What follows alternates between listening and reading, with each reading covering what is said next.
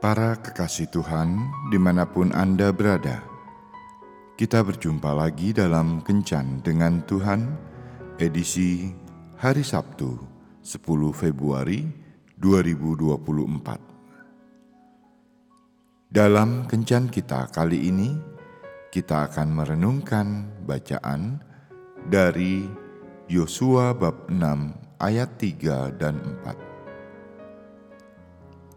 haruslah kamu mengelilingi kota itu, yakni semua prajurit harus mengedari kota itu sekali saja. Demikianlah harus engkau perbuat enam hari lamanya. Sahabat kencan dengan Tuhan yang terkasih, di dalam kitab suci ada kisah tentang penyerangan bangsa Israel terhadap tembok Yeriko yang terkenal kuat. Bangsa Israel tidak menghancurkan tembok Yeriko itu dengan dinamit atau bom nuklir.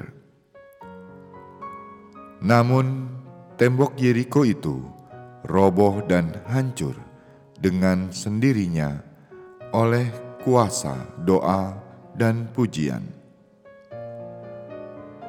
Tuhan saat itu memerintahkan bangsa Israel untuk mengelilingi tembok Yeriko sekali sehari selama enam hari berturut-turut. Dan pada hari ketujuh, mereka diperintahkan untuk mengelilingi tembok Yeriko selama tujuh kali sambil meniup sangkakala dan bersorak-sorak dengan suara nyaring.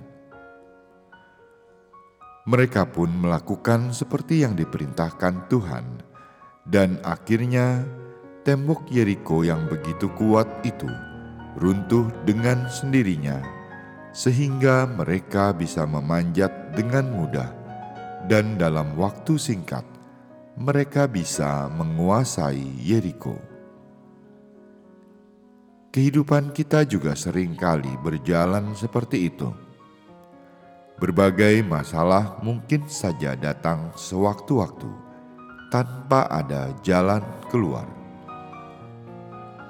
Jalan hidup kita serasa terhalang oleh tembok yang demikian kuatnya, sehingga kita merasa mustahil untuk melaluinya. Di saat-saat seperti itu, kita bisa belajar dari kisah tembok Yeriko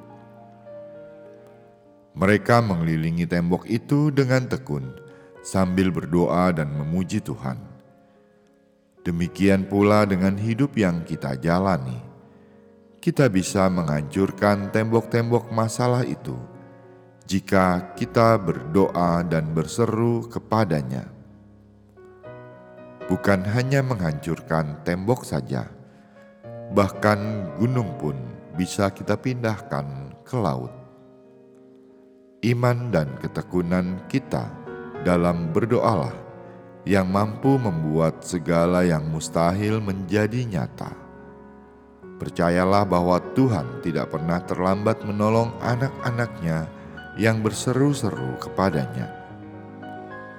Dia akan memberikan yang terbaik bagi kita, yang mungkin belum pernah kita duga sebelumnya.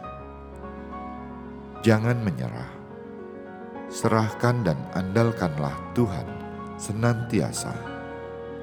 Sebab hanya dengan bersamanya, semua masalah akan selesai dan kita akan selalu keluar sebagai pemenang. Bahkan lebih dari pemenang. Tuhan Yesus memberkati. Marilah berdoa. Tuhan Yesus, Terima kasih untuk setiap penyertaanmu dalam hidupku. Aku merasa tenang bila aku ada di dekatmu, karena aku tahu selalu ada jalan keluar dari setiap permasalahan di balik hati yang selalu berdoa. Amin.